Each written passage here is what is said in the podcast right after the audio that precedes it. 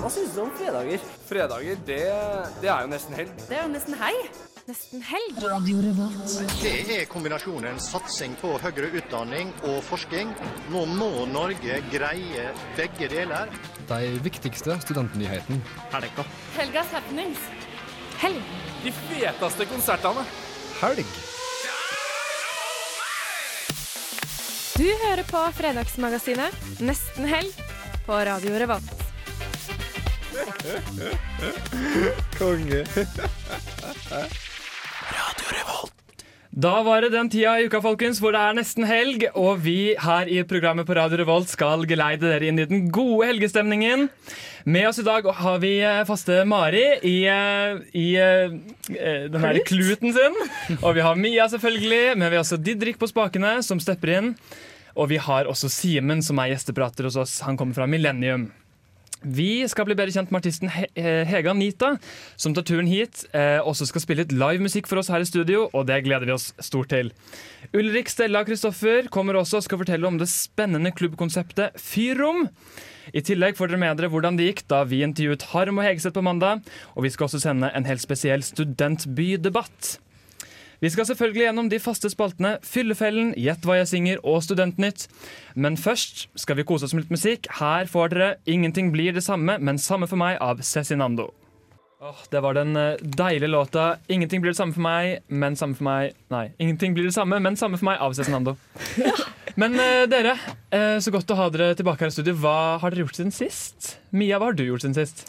Jeg og Mari, og for så vidt du, Bjørn, har jo vært på Lord-konsert. Ja, det har vi. Og det var det sykeste noensinne. Det var deilig. Virkelig. Det var så vilt. Det havnet på topp tre konsertopplevelser for min del. Når du står der under en hel konsert, og hver låt som kommer på, så får du bare sånn Du går i sjette gir da, med en gang. Og dama var så, hun var så flink live. Hun var så sinnssykt til stede. Hun var altså så kul på scenen. Det var så utrolig gøy å se Lord live. Herregud. Og det er forfriskende også at en artist faktisk tar seg tid til å prate, har litt personlig prat om Trondheim. Så hvis dere noen gang har muligheten til å dra på Lord-konsert, så anbefaler vi det. Ja, absolutt. Simen, hva har du gjort siden siste? Jeg har eh, deltatt på et arrangement som heter Simen har overlevd ett år ekstra. Oi. Så det var da fødselsdagen min. Hvordan gikk dette arrangementet? da? Eh, det starta med at jeg fløy til Stavanger og var med familien og vennene mine der. Og lagde masse god mat. Og så kom jeg tilbake igjen og brukte alle pengene som jeg har fått i bursdagsgave, å kjøpe kokkeutstyr. Så nå har jeg kjøpt masse kniver og greier. Oh, voksent. Veldig voksne Ja, bursdags... voksne, og jeg sa til mamma at til jul ønsker jeg meg voksne ting. Siden du har blitt voksen. Ja. Deilig. Jeg må komme med en kommentar der, for Du er den første personen jeg har møtt som har samme tanke om bursdag. Fordi Når jeg blir et år eldre, så tenker jeg herregud, gratulerer til meg, jeg har overlevd i 23 år. Det- Men er det dere, jo sånn, er dere sånn at dere liksom fortsatt syns det er gøy å ha bursdag? Fordi jeg har ikke lyst til å bli så veldig mye eldre nå, kjenner jeg. Nei, jeg har ikke det, jeg men jeg syns, det er gøy å feire på en måte at jeg Nå hadde jeg vært på toppen av levealderen i noen, år, i noen land, da. U-land eksempel lever de bare til de er 24. Så du tar et er ganske internasjonalt stort. perspektiv du, Ja. på bursdagen din. Det er veldig interessant. Og målet er å komme på toppen i Norge, for det er liksom det ligger ganske høyt. Så gøy. Men du, Didrik, du er også med oss her i dag. Hva har du gjort siden sist? Ja, nei, jeg har hatt besøk av søsteren min. Ja. Og har egentlig kost meg veldig med når hun var her. Var tacoen god? Jeg husker du skulle spise taco Nei, vi gang. skulle ikke spise taco. Du Vi skulle skulle spise tikka masala. taco. Ah, var tikka masalaen god? Den var veldig god. Ja, så bra. Så bra. Så det er det vi har gjort. Hva er det du har vist eh, søsteren din? For Når jeg får besøk, så har jeg en sånn fast guidetur rundt i Trondheim hvor vi begynner på Gløshaugen, så tar vi Nidarosdomen og så tar vi festningen til slutt. Jeg har gått den runden så sykt mange ganger. Ja, det var eh, Gløshaugen, Nidarosdomen, og så var det Tyholttårnet. Tyholttårnet. Ja, for hun ville spise på egen der. Jeg har hørt så mye dritt om Tyholttårnet. Sånn, jeg har aldri vært der, men jeg hater Tyholttårnet fra, liksom, fra avstand. Men det er jo alle barns drøm å spise oppi et tårn på en restaurant som snurrer rundt. Så du må ikke knuse disse barndomsdrømmene med. Det er helt sant. Beklager til alle barna som hører på Nesten Helg. Jeg har også besøk i helgen. Jeg tenker jeg skulle ta med dem eh, en liten tur på Nidarosdomen. Det, det er liksom noe man bare må få med seg. Sterkt anbefalt. Her får vi altså 'Er vi aleine' av Hanne Kolstø. Vi har vært så heldige å fått med oss eh, Hege Anita og Tommy, som er gitarist, her i studio. Så hyggelig at dere har lyst til å komme hit. Så hyggelig at dere ville ha oss her. Var det Tom, kanskje? Nei, det Nei, det var Tommy. Det var Tommy, Oh, ja, det var der. Nei, det var veldig koselig at dere kunne ta turen. Dere skal jo ha opptreden i kveld. Ja, det skal vi. Vi skal spille på Antikvariatet klokka åtte. Mm. Så det blir eh, koselig, tror jeg. Så bra. Jeg, jeg tok og leste på arrangementet uh, at det sto 'Hatten går'. Ja. Hva betyr det? Det betyr vel at de sender rundt en hatt, og så får folk legge ned i det de syns er verdt. På den gode, gammeldagse måten, rett og slett? Ja, på den gode gammeldagse måten. Ja, Det blir trivelig. Ja, så det er litt sånn uh, morsomt. Jeg har, har gjort noen sånne opptredener i det siste, og det er veldig koselig, det. Det er jo perfekt for studenter som uh, ikke alltid har så mye i lommeboken. Ja. Vi tar vips òg, da. Ja, gjør dere det? Ja, Nymotens veldig, veldig retta mot studenter. Er Supert. Eh, Jeg leste at du har blitt sammenlignet med Aretha Franklin og Amy Winehouse. Hvordan føles det? Det, har det ble litt eh, ja, jeg vet ikke hva jeg skal si, stolt eller overraskende når jeg leste den, eh, den pressemeldinga der. Men det var veldig koselig. Det er veldig hyggelig, det, syns jeg. Jeg hører jo veldig mye på Rita og Amy, så det ja. Det må i hvert fall være hyggelig. Hvor det blir ikke så mye i dag, men Hva sa du nå? det blir ikke så høyt i dag, sier jeg, så Ja, Det blir nok veldig bra. Eh, Hvor er det du eh, henter eh, inspirasjon når du lager musikk? Um, det er veldig sånn personlige ting, så det er bare sånne ting som jeg har opplevd sjøl, eller ja. Så jeg prøver å skrive tekster som folk kan tolke litt sjøl, sånn at de ikke trenger å være sånn her Jeg gikk en tur på stien, skal jeg si. At de bare får velge sjøl hvor de går hen. Så du skriver veldig personlige tekster? Ja, det albumet er veldig eh, personlig. Mm. ja, for du har jo sluppet uh, album nylig. Ja, det kom ut i 9. juni, var det, så det har vært ute en stund nå. Hege heter albumet. Originalt nok. Koselig. Så du har vært rundt og spilt? Ja, jeg har spilt en del i Trondheim i det siste, og hadde noe i Irland. Og før jeg bodde i Irland, så hadde jeg releasekonserter der og sånn. Så jeg har vært på Hitra, der jeg, der jeg bor akkurat nå. Har det vært eh, god respons? Ja, det har det. På konsertene har det vært veldig god respons, og det, folk kjøper noen albumer òg. Men eh, det er litt sånn eh, trått med CD-salg for tida, for jo, alle sammen er jo bare online, på en måte. Ja, det er Så- vanskelig det der. Det er mer online enn det er en sånn fysisk CD. Mm. Du har jo som sagt spilt både i Iran og i Norge. Ja. Merker du noen forskjell på publikummene? Eh, nei, egentlig ikke. Det, men kanskje har en litt mer tendens til å drikke litt mer Irland enn de har her. Hvem skulle trodd? Nei, si det. Jeg legger ikke merke til det, for jeg er så vant til det. Jeg har bodd der i ti år, så det er liksom Sånn er de. Men de er på en måte bare joviale. De er ikke sånn rølpe... Altså, det, ikke dårlig, det er ikke dårlig stemning full, på en måte? Nei, det er ikke det. Sånn, de, er, de er vant til å drikke.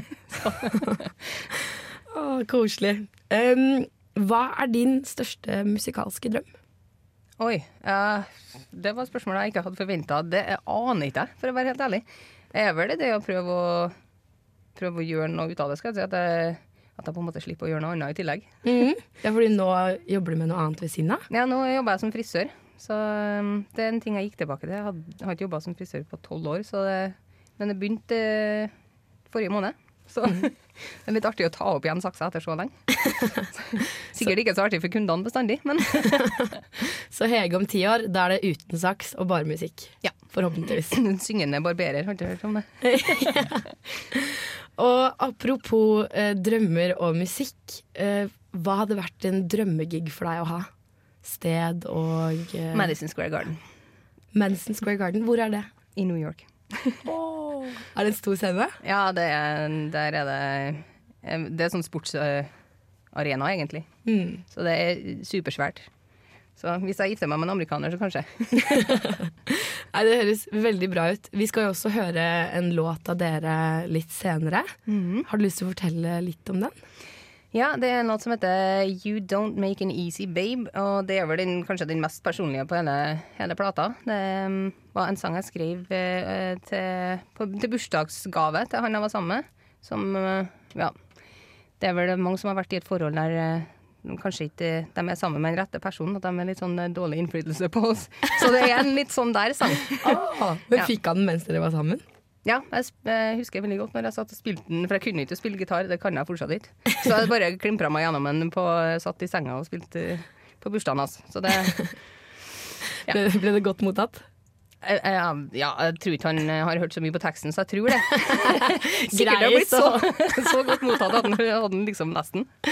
Så. Åh, fantastisk. Det er faktisk en drøm jeg har, at han skal få høre denne sangen ferdig, for det har ikke han.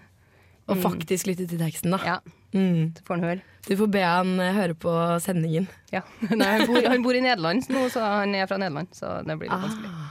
Når dere begynner å sende eh, til Nederland, da kan jeg Han kan faktisk tilbake. laste ned på podkast. Ja, kanskje jeg skal sende en. Mm. Han kan finne oss, eh, finne oss på iTunes og hvilken som helst podkast-app. Ja. Nei, men Da gleder vi oss eh, veldig til eh, vi skal få høre denne låten. Jo. Og da skal vi vel høre litt annen musikk først, skal vi ikke, Vebjørn? Det skal vi. Før vi får høre Hege Anita live her i studio, så skal vi høre 'Distant Star' av Spielberg. Det var jo da Distant Star av bandet Hva står det der, Vebjørn?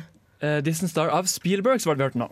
Yes. Og nå blir det jo mer musikk i studio, heldigvis. For vi har jo fortsatt med oss Hege og Tommy på gitar. Så vi gleder oss veldig til å høre låta. Kanskje du kunne introdusert den en gang til, i tilfelle det er noen som har tuna inn akkurat nå. Ja, eh, det er en låt som er kanskje den mest personlige fra hele albumet mitt, som heter You Don't Make An Easy Babe. Skal vi bare kjøre i gang? Å, jeg gleder meg. Ja.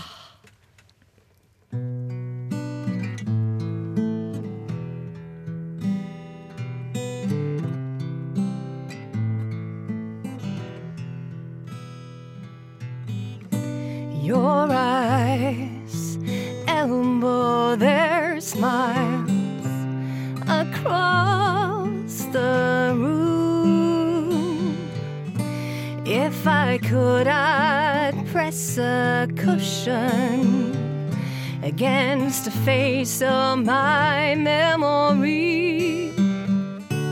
Cause the sisters of time could not cut you from the frame. And oh no, no, no, no, no, no, you don't make an easy babe. And I feel, therefore I must be real. Mm. And I'm green so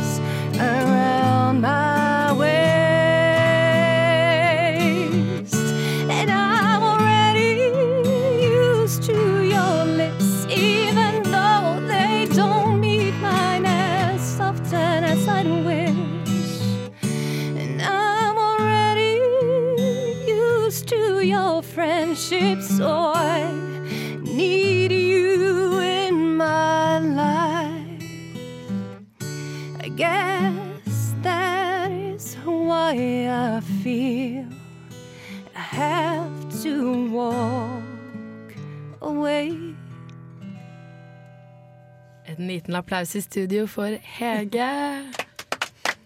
Oh, Tusen takk. Den var vakker. Ja, det er, det er den fineste sangen i hele verden, syns jeg. Det Ja, det skal du få lov til å si.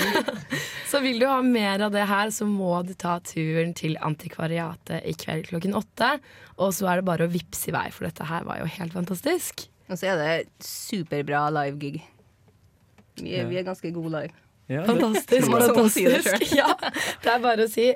Um, hva skulle du si, Bjørn? Har du henta litt inspirasjon fra, fra jobben din som frisør? Fordi du nevnte litt sånn 'You don't make an easy babe', og så var det litt sånn scissors klippe- time. Ja, nettopp. nettopp. Nei, Har du det? jeg har ikke det, faktisk. um, tenkte i hvert fall litt på det når jeg, når jeg skrev det. Helt på dampen, hvor er det man kan finne musikken din og deg ellers på internett? Hege? Um, jeg er på Instagram på Hege Anita Inst. Og så er jeg på Facebook på ja, forward slash Jeg kommer ikke på hva det heter på norsk ennå. Men uh, Hege AS. Og så har jeg hjemmeside som heter hegeanita.com. Og så ligger nå albumet som heter Hege på iTunes og Amazon og litt sånn forskjellig. Nei, men det er helt fantastisk. Tusen takk for at dere tok turen i studio. Det vi, skal få høre, det vi skal få høre nå, det er 'Kom deg unna' av eh, Døden. Jeg heter eh, ja, Hva står det her, da? Eh, bare Bare Egil står det her. Eh, du hører på Radio Revolt.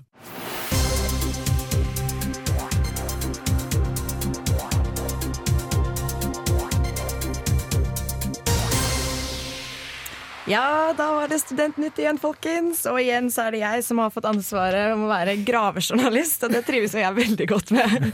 Kan jeg ta på EØS-hatten min igjen. Eh, denne uken så tenkte jeg vi skulle prate litt om den eh, SoMe-kampanjen som har gått rundt eh, nå i den siste uken. Den hashtag metoo-kampanjen, har du hørt om den? Ja. Nei. Du har ikke det? Nei, Nei, så jeg må få det forklart. Er det fordi han er mann, eller? Nei, Mari. Nei, men da skal jeg forklare. Um, det var en uke siden, tror jeg, at eh, en filmprodusent som heter Harvey Weinstein, eller Weinstein, eller hvordan man sier det, han har på en måte blitt eksponert for den eh, grisen han er. Eh, og det er over 40 kvinner i, eh, i Hollywood og USA, altså skuespillere og sånne ting, som har kommet ut og sagt at han gjennom mange år har seksuelt trakassert dem og begått overgrep og bare vært skikkelig, skikkelig ekkel. Eh, og den, den, av, den store Saken her førte til at hun ene skuespilleren faktisk fra Charmed, som ikke vi har sett på noen år, satte i gang en kampanje på Twitter hvor hun sa at alle som har opplevd å bli seksuelt trakassert eller overgrepet eller voldtatt eller noe sånt, skulle legge ut på sosiale medier eh, hashtag metoo for å vise omfanget av hvor mange som faktisk utsettes for seksuelle overgrep. Og den har blitt brukt på Twitter og Instagram og Facebook, og det er veldig, veldig, veldig mange kvinner og menn som har valgt å dele på, på sosiale medier at de, har, eh, at de har vært gjennom overgrep. da. Eh, og det er jo veldig fint at man setter lys på disse tingene her, og at på en måte, man får fram omfanget. Eh, men så er spørsmålet funker det egentlig. Så tenker jeg, Hva tenker dere om denne kampanjen? Nei, Det er det Nei, det funker ikke. Eh, og jeg har faglig kompetanse på dette. Oi. Oi. Yes, Det kan jeg flashe med. Eh, grunnen til det ikke funker, fordi at de vil med den kampanjen så vil de, de Målet med kampanjen er å finne ut hvor mye av dette som faktisk foregår. Sant? Sånn at de kan ta tiltak og redusere det. Sant? At det ikke blir så mye griseri. Eh, en del av kampanjen er jo at menn skal si sånn I have. Hashtag I have. Ja. Og da er det enten at du har vitna det, eller at du har gjort det. Og det er ikke noe skille på det. Sånn at de mennene som har begått seksuell trakassering eller overgrep, og sånn, tror du de vil skrive på Facebook I have. Yes, sir. I have made uh, women uh, feel not uh, respected. Ja, eh, jeg syns del én av kampanjen, som er hashtag metoo, den syns jeg er helt fin. Jeg har ikke noe kompetanse, men jeg tror det funker. Veldig trist at I have har vært en del av det, for det kan jeg si meg enig i at det er jo kjemperart. Og um, min kommentar på den kampanjen her er også at jeg så en hadde lagt ut denne statusen. Og så skrev hun i tillegg under selv om det er mange kvinner som ikke poster den statusen, så betyr det at de, ikke at de ikke har opplevd noe. Det betyr bare at det er ikke alles personal business om man har opplevd overgrep eller ikke. Yes. Ja, Det tror jeg også er viktig å huske på. at liksom, sånn som du sier, at Kanskje nettopp de som ikke blir en del av denne kampanjen, kanskje det er de som har gått, hjem, gått gjennom ille ting da, som de i hvert fall ikke har lyst til å dele. Men personlig så syns jeg at det er en ganske god kampanje. Vi hadde jo også hashtag 'jeg har opplevd' for noen år siden eller ja, i Norge. Og det satte søkelys på det, og vi hadde debatt om seksual, seksuelle overgrep i større grad enn vi hadde hatt tidligere. Og tingen er at som kvinne, da, og også mange menn har jo opplevd også, At jeg, altså alle jeg kjenner, har hatt en eller annen ekkel seksuell opplevelse eller, eller blitt trakassert. Eller det, er på en måte, det er en så stor del av hverdagen som jente, da, syns jeg. Er du ikke enig i det, Mari? At det er så, jeg syns det er så Ja. viktig at vi prater om det. Sånn um, Så i Trondheim, da, bare, uh, så har jeg opplevd å Jeg bodde der i to år. Opplevd å bli seksuelt trakassert kanskje seks ganger. Og det er liksom ganske sånn noen av de ganske grove historier. Ikke noe voldtekt eller noe, men på en måte typ sånn seksuell trakassering på byen. Så jeg vil si at det er et kjempestort problem at det er et fåtall der ute som tar seg friheter. Og vi må jo vi må jo på en måte også si at dette skjer med menn nå. Det er jo ikke Ja, bare kvinner. liksom Men det er så trist at det er en gruppe der ute som eh, holder på slik. På byen, på bussen, whatever. Hvor som helst, når som helst. Men jeg tenker liksom sånn uh, Hva er alternativene? Er det, ikke, er det liksom netto negativt at vi har en sånn kampanje? Er det ikke egentlig bare Ok, kanskje det ikke er uh, alt, man kanskje man kunne gjort mer, men kanskje liksom det, er jo ikke, det skader jo ikke å skape åpenhet rundt en sånn veldig viktig og tabubelagt emne, tenker jeg. Nei. Det er jo absolutt ikke dumt at en på at det er jo veldig bra ting, men jeg tror at hvis man vil oppnå mest mulig effekt, så er vi nødt til å finne ut hva det vi faktisk kan få folk til å si. Mm. Eh, og, og det er veldig det er veldig tungt for mange å komme ut og si sånn jeg, blir, jeg har blitt befølt. Altså Det at du har sagt her bare på radioen, Mm. er veldig modig av deg, egentlig, Mm. i forhold til hva mange tør å si. Eh, og vi får jo se nå på slutten av alle kampanjer, så vil det alltid være en evaluering. Så vi får se hva, hva som er resultatene.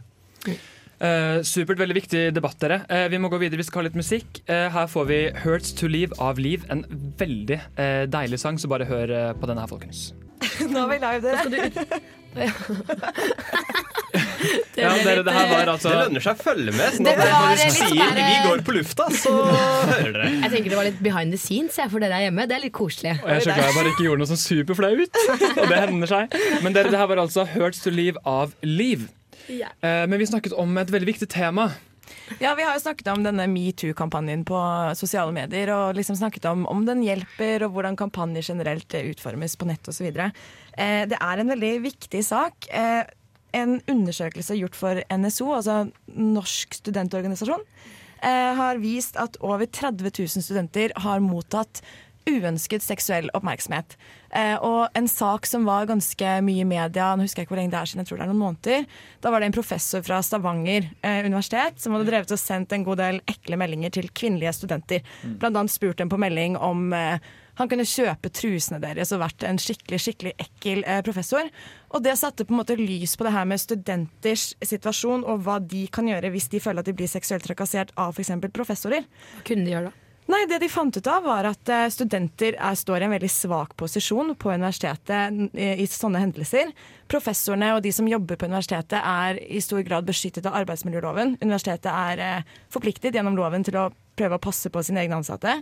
Og det er veldig få sånne kontrollorganer og måter å rapportere for studenter da, hvis de opplever ting som er kjempeubehagelig. Jeg tror man har jævlig lite man skulle sagt som student hvis Ja. sånt skjer. faktisk. Mm. Og på NTNU så har det vist seg at eh, hvis eh, ansatte og professorer driver med seksuell trakassering, så kan de bli sparket, og det har skjedd før. Mm. Så hvis det, det finnes steder man kan rapportere til, men man fant bare ut av at generelt så står studenter i en ganske svak posisjon når det Mm. gjelder eh, seksuell trakassering, også fordi at maktforholdet mellom studenter og professorer er så ekstremt da på universiteter. Mm. Jeg har en eh, oppfølgingssak til det her, Ja. som eh, underbygger akkurat det du har sagt, bare i Amerika. Eh, jeg så en dokumentar som kom ut for ca. to år siden, som ligger på Netflix. Den heter 'Hunting Ground', og den tok for seg akkurat den samme tematikken i USA. Og det som kom fram, var at de tok og søkte opp måte, tallene for anmeldelser av voldtekt. Og så søkte de opp måte, andelen kvinnelige studenter på collegehusa. Og bare basert på anmeldelsesstatistikk, så er det slik at hvis du sender datteren din på collegehusa, så er det én av fem som opplever voldtekt bare basert på anmeldelse. Så hvis man da tar med mørketallene på toppen av det her, så kan man jo nærme seg oppi liksom 25-30-40% sjanse for at den du sender på universitetet, der blir det voldtekt. Det er jo Og helt ekstremt. det triste i den dokumentaren her, for de tok jo opp statistikken, som er grusom i seg selv, som skyldes veldig mye uh, frat house, uh, disse sororityene, um, hvor det er grobunn for voldtekt, rett og slett. Så tok de opp at det var så dårlige uh, organer i skolen for å ta opp dette her. Det er ingen som har fått noe ordentlig på en måte dom, eh, og universitetene slipper unna. De som har eh, gjort dette her, slipper unna. og dette var det denne dokumentaren skulle belyse.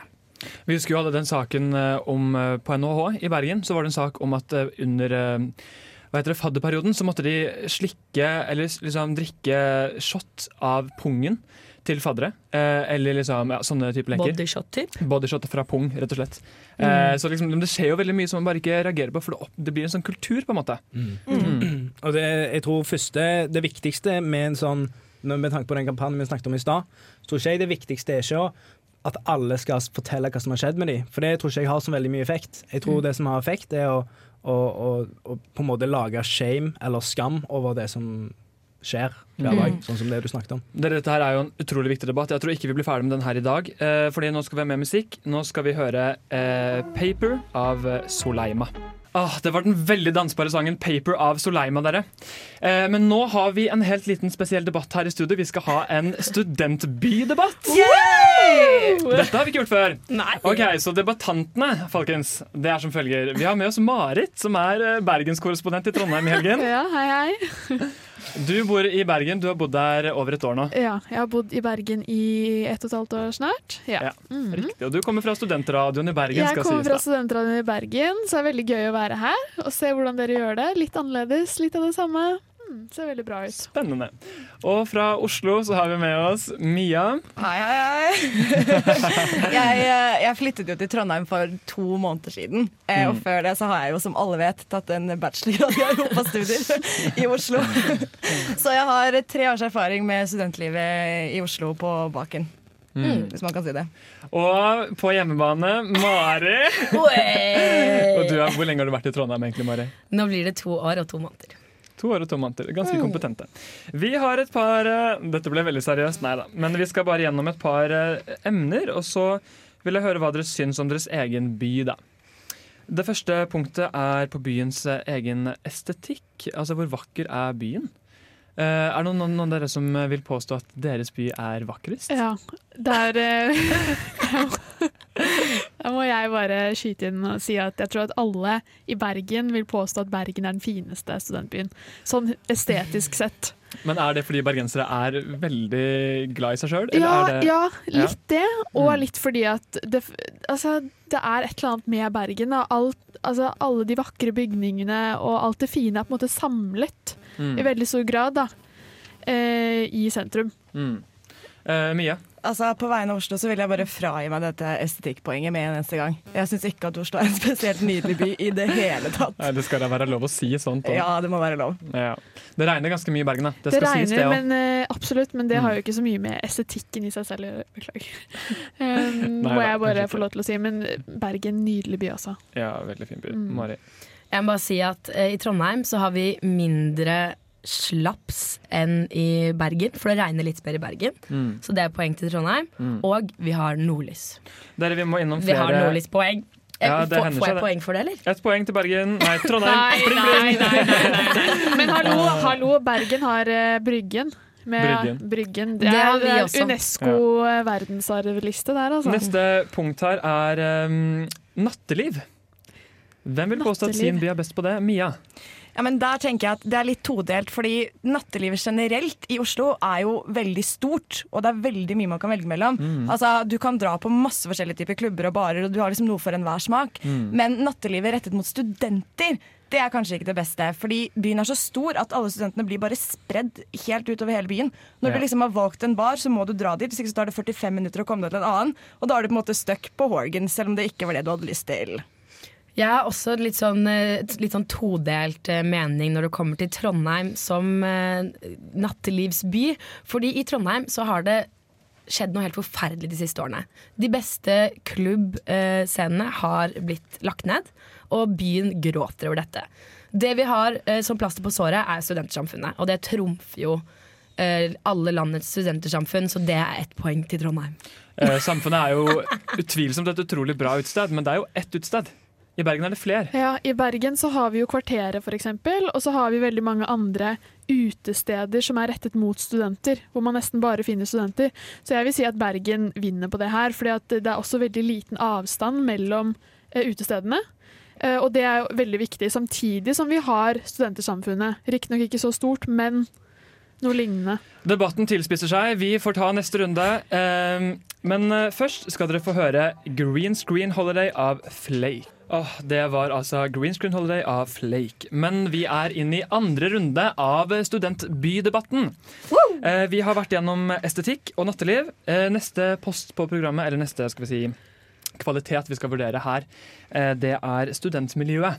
Trondheim har jo en veldig stor studentmiljø. Eh, Mari. Ja, Det har å si om studentmiljøet. Litt sånn som du har vært inne på tidligere, at det er så sentrert. Mm. Og alle kan finne en plass. Det syns jeg er så viktig å huske på, fordi du kan melde deg inn av alt av undergrupper i det kulturelle studentsamfunnet. Du kan melde deg inn av alt av sporter i NTNUI. Og så fins det jo både Isfit-festivalen og Ukafestivalen, hvor du også kan gjøre hva som helst. Det fins jo noe for alle og enhver. Ja, altså Når det kommer til Oslo, så har Oslo et litt sånn dårlig rykte på seg for å være en, en by med dårlig studentliv. Og det kan jeg på en måte egentlig til en viss grad være litt enig i, fordi det er ikke et sånn veldig tett studentmiljø sånn som det er i Trondheim. Og jeg tror også at når man kommer og flytter fra en annen by og til Oslo for å være student, så har det føltes for mange ganske sånn stort og litt tomt, og det er liksom ikke så veldig mye som skjer. Men det skal sies at UiO for eksempel, tilbyr alle de samme sportene som det gjøres på NTNU. Mm. De holder fester, og vi har et studentersamfunn. Det er bare det at altså, det ligger til rette for at det kan være bra, men studentene benytter seg ikke så veldig av det. Og det Nei. kan bli bedre. Hvilken side er du på, egentlig, Mia? Er det, er det, kommer du fra Trondheim, eller ja, jeg må kommer du fra komme med kommentar etter det også. Ja, nei, altså jeg er jo Jeg, jeg koser meg masse som student i Oslo, men jeg innser jo at jeg har tapt litt grann den debatten her fra før av. Mm. Vi må jo vi må måle opp liksom studentmiljøet kontra liksom hele bymiljøet, tenker jeg. Jeg må bare komme med en skikkelig kjapp kommentar der. Fordi at det er litt sånn som du sier, Mia. Hvorfor benytter seg ikke studentene seg av det? Og det tror jeg er fordi at vi har tradisjon i Trondheim. Vi har tradisjon for 100 år med Uka og studentsamfunn. Og vi har også tradisjon på veldig mange av studiene for linjeforeninger, som også har vært i kjempelang tid, hvor de igjen tilbyr på en måte sosiale undergrupper på linjeforeningene. Så ja. Jeg, tror det kommer litt an på hva man vil ha. Fordi som det blir nevnt her, så er Trondheim veldig sentrert. Og det er jo Bergen også til en viss grad. Så jeg tror at Bergen befinner seg et sted mellom Oslo og Trondheim. Ehm, kanskje litt sånn proble Ikke nødvendigvis problemet, da, men i Trondheim så, har man, så føler jeg at det er litt, kanskje litt for sentrert. Mens at i Bergen så er de forskjellige institusjonene litt mer separert. Mm. Sånn at det er kanskje lettere å gå i grupper sammen med de fra din egen institusjon. Men det kan jo også være negativt igjen, da. I og med at det kanskje er litt min mindre inkluderende sånn sett. Jeg opplever litt sånn, Hvis du er student i Trondheim, så kan du eksempel, eh, du kan være veldig i dette ja, ensartede studentmiljøet. Eller det er på en måte, jeg mener ensartet, så mener jeg litt sånn Linjeforening, er- mener du? Ja, men det er på en måte Mm. samme oppbygning. Det er linjeforening, det er Samfunnet, det er Uka Isfit, eh, og det er på en måte noe alle gjør. Mm. Eh, Så det er på en måte litt homogent. Men er det, kan man ikke gå litt lei av det? I Bergen og Oslo så har man kanskje litt flere tilbud altså utenfor selve studentmiljøet? Jeg, er, jeg synes, tror ikke man kan- kan gå lei av det, for jeg syns ikke egentlig det er homogent. Jeg syns det er det motsatte. Jeg syns det er så bredt spekter at på en måte, uansett hvem du er, så finner du en plass. Hvem får poenget, Vebjørn? Uh, jeg tror kanskje vi skal si estetikk Bergen, natteliv Oslo, og uh, for studentmiljøet så tror jeg kanskje Trondheim må få et lite poeng. Ding, ding, ding, ding, ding. Dere, det vi skal gjøre før vi får en ny låt, det er at vi skal uh, få høre hvordan det gikk da jeg var og intervjuet Harm og Hegseth på mandag. Fordi de eh, var her og hadde sitt late night show i Storsalen. Jeg intervjuet dem, eh, lagde ei lita reportasje, så det skal dere få se på nå. Eh, men først skal dere få eh, 'Days Like This' av Mats Wawa. Å, shit, du har ikke mikrofon! Det er ikke så greit, det.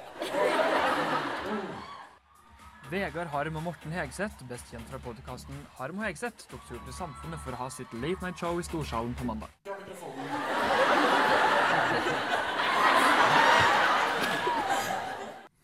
Folk lo så de grein da de fikk se pinlige privatbilder fra Mortens ungdomstid, eller da Vegard tok over Tinder-profilen til en jente fra salen på storskjerm. Jeg bare tenker, Nå klikker det helt for deg.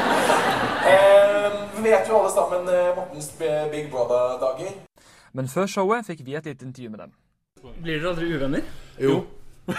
ok, ok, Fortell, da. Vi kan ikke være sammen Vi er ikke venner på fritid. å si. Nei, nei, nei, nei. nei. Men la oss spørre sånn. Harm, hva er, hva er Hegseths verste side når det kommer til liksom profesjonelle? da? Han er jo altvitende. Han vet jo alt. Jo, er Man er litt Ja, sinna. nå, da skal jeg si. Han er litt sinna. Kom igjen. Ja, det stemmer. Ja, okay. Jeg er litt redd for noen ganger, egentlig, bare. Ja. Han kan ikke jobbe. Han kan ikke jobbe? Nei.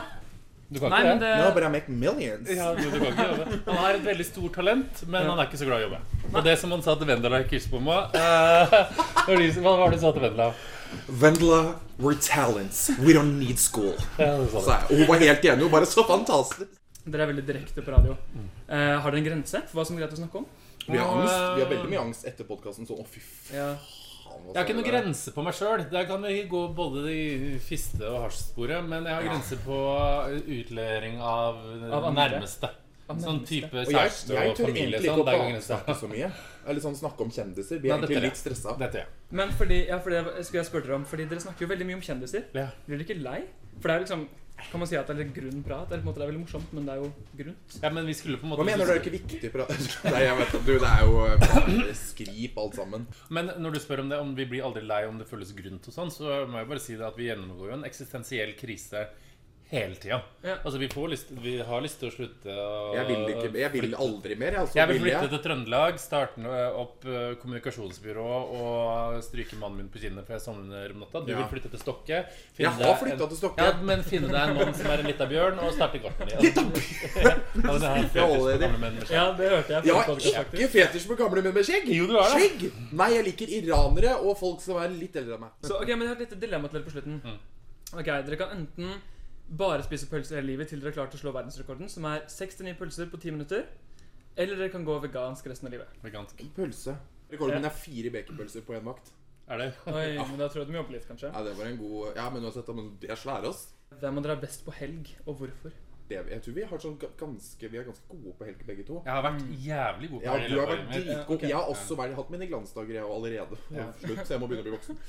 Sånn fire dagers inn i Det er flaks at jeg ikke ble narkoman. Ja, okay. det er flaks. At ikke vi finner han på Trondheim torg. Sitte og Ja, det kunne gått en vei hvis Ja. til. Begge to er ganske gode på helg, da. Ja. Ja, absolutt. Ja, Takk for at dere kom og ville prate med oss. Takk for at du kom. Det var så vidt vi gadd. Jeg la inn litt applaus der, jeg. Jeg tenkte det var greit. Var det applaus til deg selv? Ja, det var det. Fordi Vegard, du har jo lagd reportasje! Ja, jeg har laga reportasje, vet du, og det, det var gøy. Herregud, men de prater som en foss, begge to. Ja, Du klarte nesten ikke å stoppe det. Nei, men det er jo ganske vanskelig, skal jeg si det. Jeg syns det er så gøy Weber, at du bevisst ikke satte deg imellom dem for å unngå å virke som en sånn klein Ja. liten lillebror i midten. Og Som du- bare Det er jeg glad for, for å si det sånn. Og det var sånn, Jeg hadde ei lita liste med, med spørsmål som jeg skulle gjennom, og så var det sånn Nei, vent, liksom! For de bare lagde ei podkast. Bare jeg nevnte liksom Hei, hei, sa jeg. Har du fått eh, to nye bestevenner nå, Vebjørn? Ja, Er dere blitt, vi er er dere blitt en gjeng med stor, stor G? Ja, vi er det. Med stor G. Og jeg satt jo nede i hjørnet og rottet som liten sånn lydtekniker. Jeg synes De var så søte. De var som tre sånne hundevalper som koste seg i sofaen. Ja, men Det Det var- var så god stemning i sofaen, ser det ut som. Så dette er noe dere må få med dere. Dere kan finne hele intervjuet snart på Facebook. Kan dere ikke, Vebjørn? Og vi legger ut en video snart. Kan jeg fortelle om mitt første møte med Vegard Harm? Fordi jeg var så skrive bacheloroppgave. Og så kom han eh, Jeg var i møte med VG, så kom han og slikte seg selv på fingeren, og så prella han fingeren rundt nippelen mens han stirra på meg. Oi, herregud, så var det oi, intenst. Ett sekund. altså De var så drøye på Late Night Show. Det var veldig gøy å høre på, men det var utrolig drøyt. Eh, Vi har jo Party Party Fun Fun, ja, vi har Party Party Fun Fun, det har vi glemt å si! Herregud, klokka er fire. Nå er det Party Party Fun Fun, folkens. Uh, og, og det feirer vi med ei låt av Macklemore, og den heter så mye som Ain't Gonna Die Tonight, uh, feat Eric Nelly.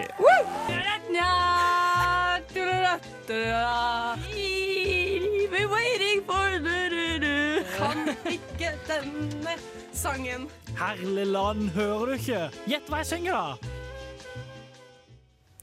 Ja, der hørte vi Ain't Gonna Die Tonight av Macklemore, og vi gikk inn i Party Party Fun Fun-timen med en av de beste sangene til Macklemore, syns jeg i hvert fall. Men nå, folkens, skal vi ha Gjett hva jeg synger.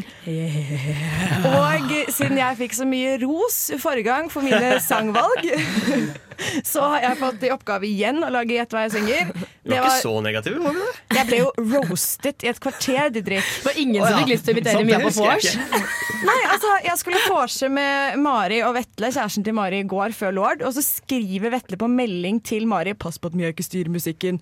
Fordi jeg fikk så mye dritt for den forrige Gjett hva jeg synger. Men eh, nå, da har jeg gjort et poeng ut av det. Nå har jeg tatt sanger som, som jeg liker, som sikkert ikke dere liker. Vi får se hvordan det går. Vil du kalle det et comeback, Mia? dette er, jeg kommer sterkere tilbake.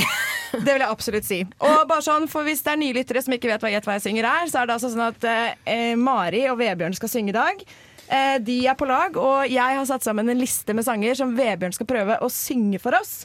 Og så skal de andre, altså eh, Simen og Didrik og da Mari, prøve å gjette hvilken sang det er. Mhm. Og hvis de gjetter riktig, så er det poeng til oss, og hvis de gjetter feil, så er det poeng til Vebjørn. Nei, hvis jeg er feil, er det poeng til deg. Ja, til meg, ja. ja ok, jeg har ikke helt skjønt Mm, ja. reglene. til dette Så det spillet. er deg mot resten? Det er Mia mot resten. Å, herregud. Ok, Ja. men Da tror jeg vi setter i gang. Er du klar, eh, Vebjørn? Åh, nei, jeg bare skjelver i buksene. Skjelver du i buksene? Jeg skjelver i buksene. Syns du tror de er så, så ond? Jeg har en mistanke når du sier at du er snill, så jeg er ikke sikker på om jeg stoler på deg. Du tror ikke det, altså? Vent, da må jeg bare finne første sangen her. Ja, ja, ja, dere. Ja. Nå begynner vi å kjenne gjett hva jeg synger på kroppen, gjør vi ikke? Skal bare Jeg hele meg. komme Nei, nei, for jeg skal ikke synge, så jeg er ikke så nervøs. i dag. Nei, i men dag du vil vel kan vinne, da, Didrik? Ok, Du vil vinne. Er dere klare? Ja. Kjør, eh, Vebjørn. Dun, na, na. What to say I died anyway. Mm-hmm. Take On Me av, eh, av eh, Take On Me av eh, Simen, Simen, hot tips. Ikke gjett med en gang, for da synger han lengre. Ok. Da gjetter jeg ikke. Take on me, take on me, take Kom igjen da, folkens! Kan du det? Å nei, vi vet ikke. Nei, du er. Er ikke det Backstreet Boys? Og der avslutter vi. Simen, har du kommet på artist? Eh, Hva kan det være? ah, Er det shit. Jeg tror det er eh, Er vokalisten han Morten Harket? Yes, Men hvilket band var han med i? Og dette Shit. Eh, han heter Sangen heter iallfall Take On Me, og a-ha heter bandet. Det er helt riktig. Poeng til dere. Du on kanskje snill med kjente artister med de høye tonene. Var du ikke så med Mia?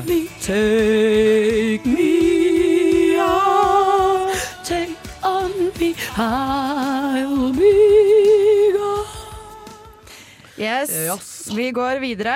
Dette er en liten artig låt som Vebjørn skal få prøve seg på. Er du klar? Å, du, jeg gleder meg, kjenner jeg. Vi kjører i gang. Da da da da da da da Da da da La la la la I was gonna clean my room until I got out I was gonna clean Nei. But then I get high And I know why Cause I got high Cause I got high Er det noen som har lyst til å her gjette? Ja, ok da. Skal vi prøve å gjette? Er det Cause I got high? Helt riktig. Av hvem? Mm, hva sier du, Simen? Afroman. Yes! Oh! Helt riktig. Da har vi to poeng. High, because I got high. Then I got high. Dum, dum, dum, dum, dum. Ja, det er jo faktisk Maris favorittsang, det her. Nei, det er det ikke. Det er Nei, det er bare for har, eh, Maris livshistorie. Nei. Hva søren? Ja, men det, du, du det må jo være enig i at det er sånn typisk sånn Now I live in a boat because I got high. Enig? Ja, ok, litt enig, men det har ikke noe med å bli høy å gjøre, altså. Nei, litt. Nei! Ja, litt grann, kanskje. hva, jeg skal ikke ha det her. Skal jeg starte? Nei, ikke ennå. Jeg skal finne riktig hvor du skal hoppe inn. vet du. Nå er jeg spent på hva siste låt eh, Vebjørn skal i ilden med. Altså. Yes, Vi setter i gang nå. Ta en flaske Herregud. Du skal på et nachspiel, og du trenger en Du måtte, Mia. Du måtte. med vente i, noen timer før jeg spør. Vær da med meg hjem Hina. Skal vi sove i samme seng natt? Vil du gi deg alt du trenger i natt, hvis du tør? Ja, men dere, nå trenger jeg ikke å synge lenger, Nei, nå kan Jo da! Jo! Ny runde. Ja, men du må synge mer, for jeg vet ikke hva sang det var. Jeg tror jeg gjetter 'Vil du være med meg hjem i natt'. Korrekt. Av hvem? hva het han duden, da? Ja, Det må du svare på. Det er jo han der eh, Shit. eh, han trønderen. Ja, Det hørte vi vel på Vil okay. du være med meg? Jeg tror vi bare fikk et halvt poeng der, da. Og da tror jeg vi står med to og et halvt poeng mot, mot Mia sitt lille halve poeng. Ja, Det er jo litt stusslig. Skal vi høre litt på denne godsangen? Vi er jo i Trondheim, Men hvem- folkens! hva heter han som- han som- hvem er det? Gi fasiten. Det er bandet The Kids, folkens. The Kids, ja. The Kids. Det husker jo alle. Jeg trodde det var sånn Useriøst. Åge Aleksandersen eller noe. Og hvor fant jeg denne sangen? På Hits for Kids. What? Nå er jeg overraska. Det er ikke bra. Nå håper jeg det er god stemning i alle stuene som sitter og hører på oss. Men Jeg lurer på før, eh, før vi tar mer Gjett hva jeg synger, folkens, så skal vi ta min dame på refresh-knappen. holdt jeg på å si. Husker du hvem det er? Beyoncé? Ja, Beyoncé. ja. Hun som jeg alltid refresher på om skal komme til Norge. Har hun kommet til Norge ennå? Hun har ikke kommet til Norge ennå. Jeg fortsetter å refreshe, og i mellomtiden skal dere få høre låta hennes, og den heter Love on Top.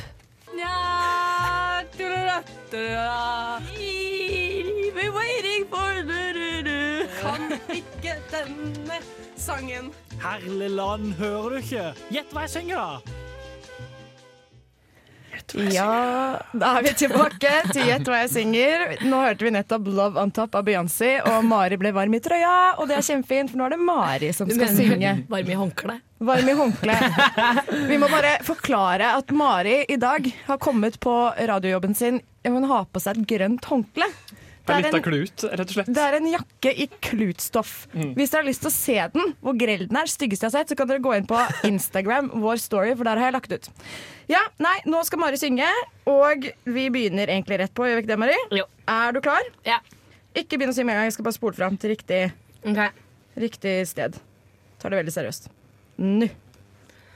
Yeah, that's if this. One can never say that it's true, but I know that I can always see you. Mm.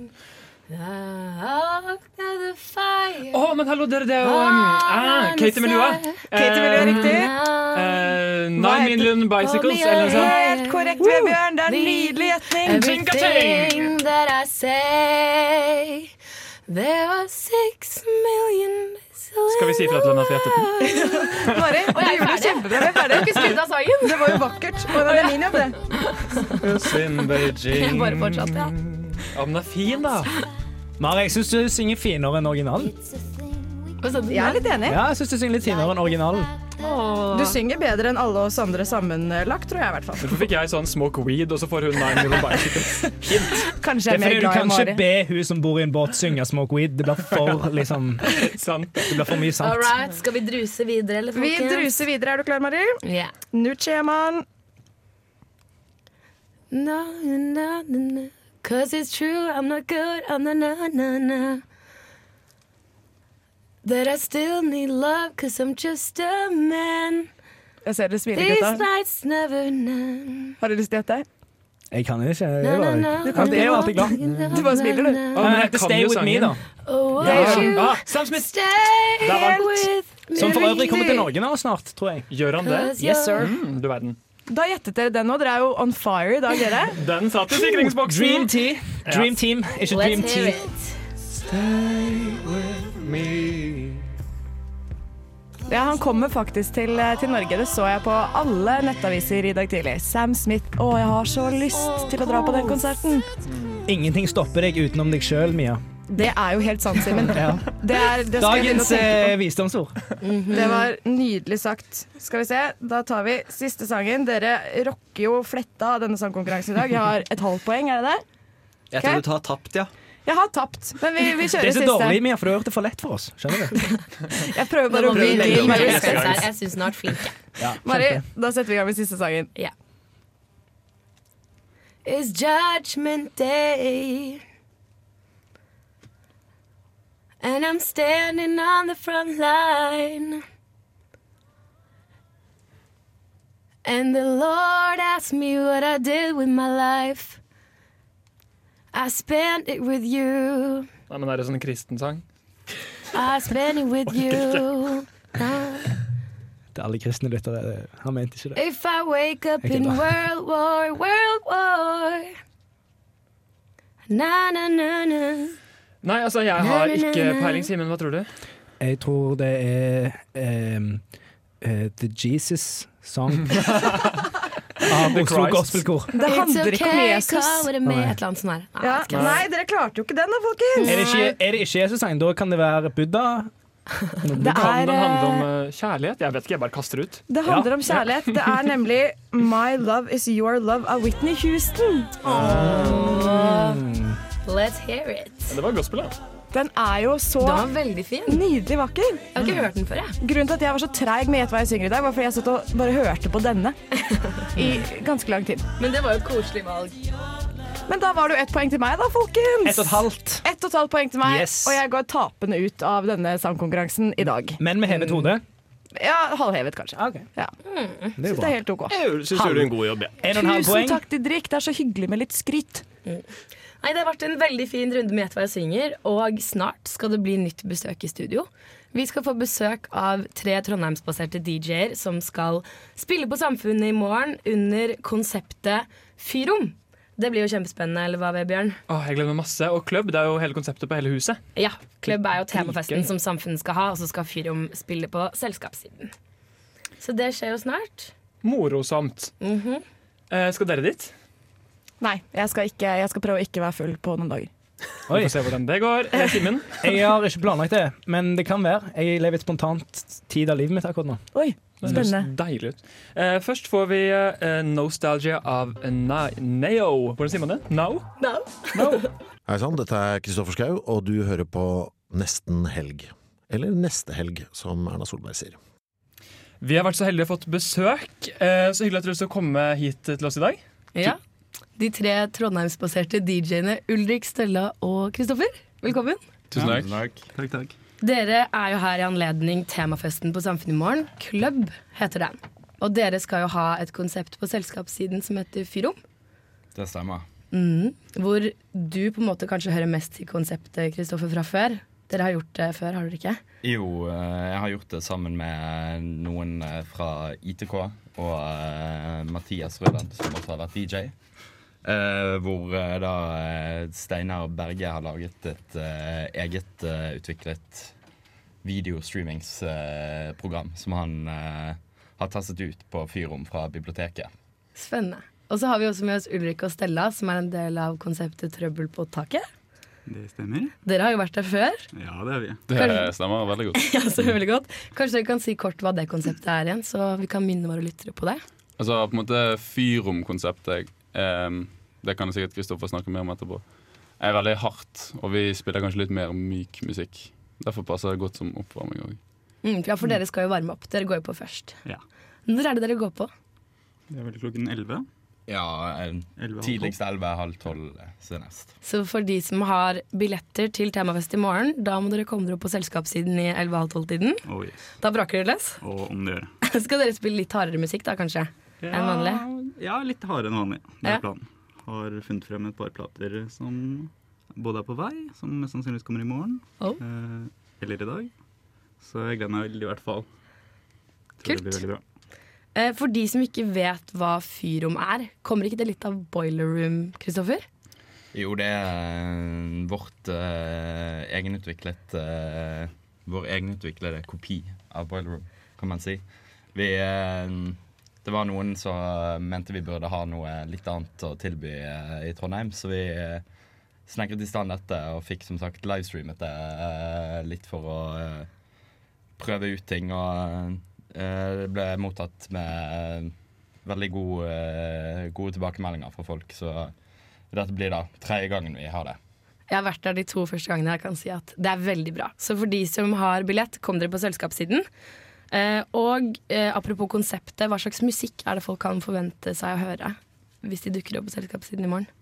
Eh, fra vår del har vi Trøbbel på taket som spiller først. Vi spiller mer, sikkert mer house, litt eh, synthpop. Litt på en måte elektronisk musikk, men ikke det som sikkert Kristoffer skal si nå snart. Ja, etter, etter Trøbbel på taket så blir det nok litt mer eh, techno. eh, acid eh, og ja, et par house-låter. Men eh, det blir nok litt hardere. eh, litt eh, raskere basslinje. Nå som vi er inne på tekno, er tekno en undervurdert sjanger på byen? Og i så fall hvorfor? Hmm. Eh, I Trondheim er det undervurdert. Ja. I Oslo er det mer populært. Eh, så ja, jeg vil si i Trondheim by er det ganske undervurdert. etter Super og Blest forsvant, så har det ikke vært mange steder som har satset så mye på det. Så det er absolutt uh, noe som man kunne sett mer, for det er folk som uh, liker det og kommer på ulike arrangementer. Det blir kanskje mer fyrium etter i morgen også. Vi får håpe det. Ja. Så for de som ikke har billett, det er håp for dere også. Um, dere er jo som sagt DJ-er. Har dere en god eller dårlig historie dere kunne fortalt oss fra deres erfaring som DJ? Har dere tenkt litt på det? Jeg, har- jeg, jeg har det gøy hver eneste gang jeg spiller, og det er egentlig bare derfor jeg spiller òg. Jeg sånn altså, jeg har, jeg har ikke noe lyst til å være DJ, holdt jeg på å si. Jeg syns det er gøy å spille musikk for andre, og det, det syns jeg er gøy. Så jeg syns det er gøy hver gang. Det var det logiske resonnementet. Men første gang meg og Stella skulle spille på um, Brukbar Blester, husker Ja, jeg det husker jeg. Det var akkurat, akkurat den jeg tenkte på. da, jeg, da, hadde vi liksom, da var vi ganske nye, og vi hadde liksom varmet opp jævlig bra. Og folk begynte å danse skikkelig sånn. Så satt Stella på en jævlig fet låt! og så midt i den jævlig fete låten så bare ja, på, det, de, Vi bruker platespillere og noe som heter CDJs til å spille musikk av. På de CDJs-ene, så hvis du velger feil CDJ når du skal prøve å sette på ny låt, så kan det hende at den andre stopper. Og det var akkurat det som skjedde. Så det ble et par sekunder med stillhet. Men det gikk helt fint. Vi tok det med tre smil. Og Folk det- begynte å klappe da vi satt på låta. igjen. det er i hvert fall god respons. Hva med deg, Kristoffer? Har du noen morsomme um, opplevelser å dele? Dårlige som- eller gode? Som Ulrik sa, eh, så syns jeg det er bare gøy å spille. Eh, Jeg hadde en eh, Jeg tror det var under 90-tallsfest, når Coleo skulle spille i Storsalen. Så mistet han flyet, så det ble avlyst. Så meg og en annen skulle da ta over og være storsalgs-DJ-er og spille 90-tallsmusikk. Som var helt fantastisk. Jeg prøvde å lage hanekam ut av håret med gelatin, og det gikk ikke bra. Til de som ikke ser det, så har Kristoffer veldig veldig langt hår. Eh, men eh, da skulle jeg fall begynte jeg å spille Macarena. Og eh, sangen begynte, og folk begynte å stille seg opp og skulle danse.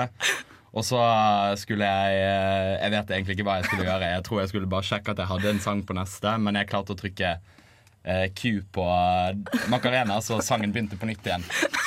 Eller først stoppet, og så måtte jeg trykke play igjen. Og så eh, Vi lo det av med å si at vi er 90-talls-DJ-er. Vi skal ikke være flinke DJ-er. Så det er også godt mottatt. Det ble veldig godt mottatt. Dere har jo laget en liten miks til oss, som er en smakebit på hva vi kan få høre i kveld. Ja. Har, har du lyst til å si noen få ord om den før vi setter den på? Eh, det er prøvd å lage en litt blanding. Ikke så hardt og ikke veldig uh, house heller. Det er en litt sånn blanding med litt tech house. Så uh, det blir nok eh, litt tilsvarende rytmer man kan høre. Det er veldig bra for de som er på vei til å starte helg. Da er det bare å rocke dansefoten til denne miksen som Fyrom har laget for oss. Da hører vi den. Ja, da har vi hørt eh, åtte minutter av denne miksen som er en smakebit på hva dere kan få høre på Fyrom i morgen. Har lyst til å si noe mer om, mer om miksen, Kristoffer? Nei, altså hvis du likte det, så eh, kom og dans i, på selskapssiden. Enkelt og greit. Ja, Dere har vel sikkert eh, hatt noen drømmer i magen mens dere har holdt på som eh, DJ-er, har dere ikke? Litt? Jo, ambisjoner i hvert fall. Litt ambisjoner? Åh. Har dere noen gang sett for dere hva som kunne vært drømmegiggen? Uh, skal jeg starte? Ja, jeg kan starte. Uh, egentlig ikke. Det, jeg vet ikke om jeg svarte annerledes på det siste gang jeg var Men uh, akkurat nå kanskje jeg får meg det. Men det blir litt sånn her Litt hvilket miljø eller hvor man på en måte hører på musikk fra. da For tiden hører jeg på veldig mye musikk som kommer på en måte fra Amsterdam og et par plateselskap rundt omkring der. Så sikkert, der vet, Da vet jeg at på en måte, da, da er det publikum for den musikken jeg liker. Så det hadde vært gøy å spille i Amsterdam, da. Ja, men sånn hvilken venue, det er vanskelig å si. Mm. Jeg syns Dekmantel-festival det, det har jeg kanskje lyst til å prøve å komme i neste år. Så det hadde sikkert vært, det hadde vært jævlig gøy. Hva er det for noe? Det er en festival for uh, elektronisk musikk som Altså, elektronisk musikk er veldig vagt, da, men de som har startet festivalen, eh, har også startet et plateselskap som heter Deckmantel for mange år siden. Og ja, de kuraterer den festivalen, og de gjør det på en bra måte. Så kort sagt. Mye afrikansk musikk òg. Og hvor finner man festivalen hvis man har lyst til å ta turen? sikkert dekkmantellfestival.com eller noe sånt. Ja, men men hvilket- den hvilket land? Å ja, den er kvarterstogtur kvarters togtur utenfor Amsterdam. Ok. Kult. Hva med deg, Stella? Har du tenkt noe på hva som kunne vært liksom, den ultimate gigen for deg? Ja, inntil videre i hvert fall, så har jeg veldig lyst til å spille med Bjørn Torske. Det er jo der vi har trøbbel på taket-navnet fra, f.eks. Og jeg resonnerer veldig med både hans musikk og spesielt DJ-en hans. Mm. Eh, og han er generelt en sinnssykt hyggelig fyr. Hvor skulle det vært? Samme hvor. The Villa i Oslo, for eksempel. Hva med deg, Kristoffer? Uh, gi meg et mørkt utested i Berlin, så hadde jeg vært fornøyd. Hvis jeg kan stå der og spille, så eh, koser jeg meg. Fantastisk. Det er jo snart helg, og mange kan jo ende opp på nach. Og de dør jo ut etter hvert. Hva skal man sette på for å redde nachet? Vil du starte, Kristoffer? Hmm. Jeg kommer an på om du eh, I hvilken forstand man skal redde et nachspiel. Eh, Er det vits i å redde nachspielet? Skal man få folk til å danse, eller er det, er det for sent for den slags? Det kommer veldig an på situasjonen. Så hva setter du på hvis du skal drepe nach, da? Skal jeg drepe nachet, da Altså, å sette på noe slipknott eh, klokken eh, syv om morgenen tror jeg ikke får veldig mange gira. Du kan selvfølgelig treffe noen som er det ikke, men da eh, tror jeg du kan få folk til å gå. Jeg synes De beste nachene det, det er ikke musikk det handler om, det handler om bading. Så hvis du drar og bader på nach, så blir det et jævlig bra nach uansett. for deg. Ok, nice. Hva med deg, Stella? Nei, jeg er litt på den der å bare la nachet dø ut når det er på tide. Det, Så du bare skrur av eh, anlegget? nei, jeg bare holder meg unna. Hvis det er noen som prøver å redde det, så tenker, klapper jeg dem heller på skulderen og sier kompis, det er kanskje på tide. Så hot tips fra DJ-en her i studio, ikke redd nachet. Det er ikke noe vits. Det er bare å komme seg hjem. Dere har jo gitt oss eh, en låt som skal avslutte dette besøket. Har du lyst til å introdusere låten, Stella? Ja, det er eh, så mye som eh, Ezzy and Isaac eh, med Let Your Body Move. Det er en nydelig afrikansk låt. Jeg vet ikke hvor de er fra, for det finnes ikke noe informasjon om dem så langt på nett. Eh, så jeg vet ikke hvilket land de er fra. Men veldig fin afrikansk låt fra 77. Tusen takk for at dere kunne komme. Lykke til i morgen. Takk. Da, da hører vi låten. Åh, det var den deilige afrikanske sangen som vi fikk høre her. Hva var den het? Let Your Body Move av eh, AC and Isaac, eller noe sånt. Men den var kul, den var funky. Jeg gjetter at de er fra Zimbabwe. Kan du høre det? Ja, jeg føler det. bare Og dere, Nå er det bare sju minutter igjen til det er offisielt helg. Ja! Yeah! Oh, Hva, hva skal dere i helgen, folkens? Eh, jeg skal lage lasagne til Mari, Mia og min venn Karstein. Yes! Han skal komme til oss og skal han lage deilig vegetarlasagne. Og det er faktisk så seriøst at etter sending så må han hjemom og hente kokkeknivene sine og så komme tilbake. Fordi lasagne er ikke kødd. Fordi Simen er jo voksen, så han får jo Ja. bare voksengaver til bursdag. Jeg er voksen, jeg er 24 år. Eh, snart dør jeg kanskje. Oi, nei, du, nå er det helg. Nå må Ok, vi nå må vi roe ned dødstemninga her. Mia, Jeg hva er, skal bare, du? jeg er bare kjempeglad for at uh, Simen skal lage mat til meg, Fordi jeg kan ikke lage mat for sitt. Og det gikk opp for meg denne uken da jeg kom hjem og så var jeg sånn, å jeg trenger middag. Gikk på Rema 1000, som for øvrig er ganske dårlig der jeg bor. Så kjøpte jeg en sånn derre eh, carbonara ferdiglaget som egentlig skulle i mikro. Kom på at jeg ikke hadde mikro, og varmet den i en gryte. Og da var jeg sånn, dette er rock bottom, ja. Du må ta deg sammen. Mm. Krise. Du kan ikke kjøpe Toro. Hæ? Hvor ille smakte det? Det var ikke noe godt. Det var helt forferdelig. Uh, Mari, hva skal du i helgen, da?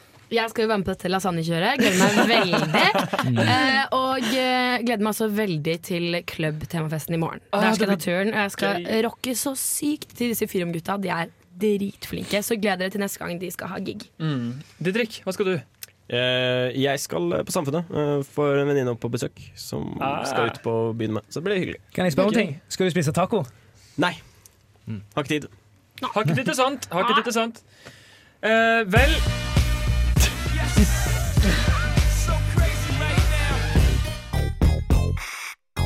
May I have your attention, please? Let the party begin. Let the party begin. Da er det helg, folkens. Nei da. Eh, nå eh, er det tid for ukas nostalgiske. Eh, hvilke forhold har dere til denne sangen? Altså Mitt eneste forhold til den sangen egentlig er de der grønne buksene i musikkvideoen. De er brent inn i netthinnen min hver gang jeg hører navnet på denne sangen. Og jeg hadde veldig kleint forhold til den sangen, Fordi da jeg i gamle dager var liksom akustisk Mari på gitar og sang og sånn, så sang jeg denne sangen med gitar. Det var sånn. Helt åndssvakt. Mari gikk gjennom en veldig merkelig periode hvor hun var akustisk på gitar og hadde hjertesorg. Det var mye greier. Det var mye som skjedde. Simen, har du noe forhold til den sangen? Den minner meg om lutefisk. ja, gjør den det. Ja, gjør den det. Eh, Jeg hørte den på han når jeg spiste lutefisk en gang, og så ble det bare sånn. Men da var det helg, var det ikke det, Svart Babyer? Da er det helg, folkens. Skal vi si det, Skal vi si det på én, to, tre? Ja. En, to, tre. God helg! Da-da-da-da. Nå kommer Heia Outcast.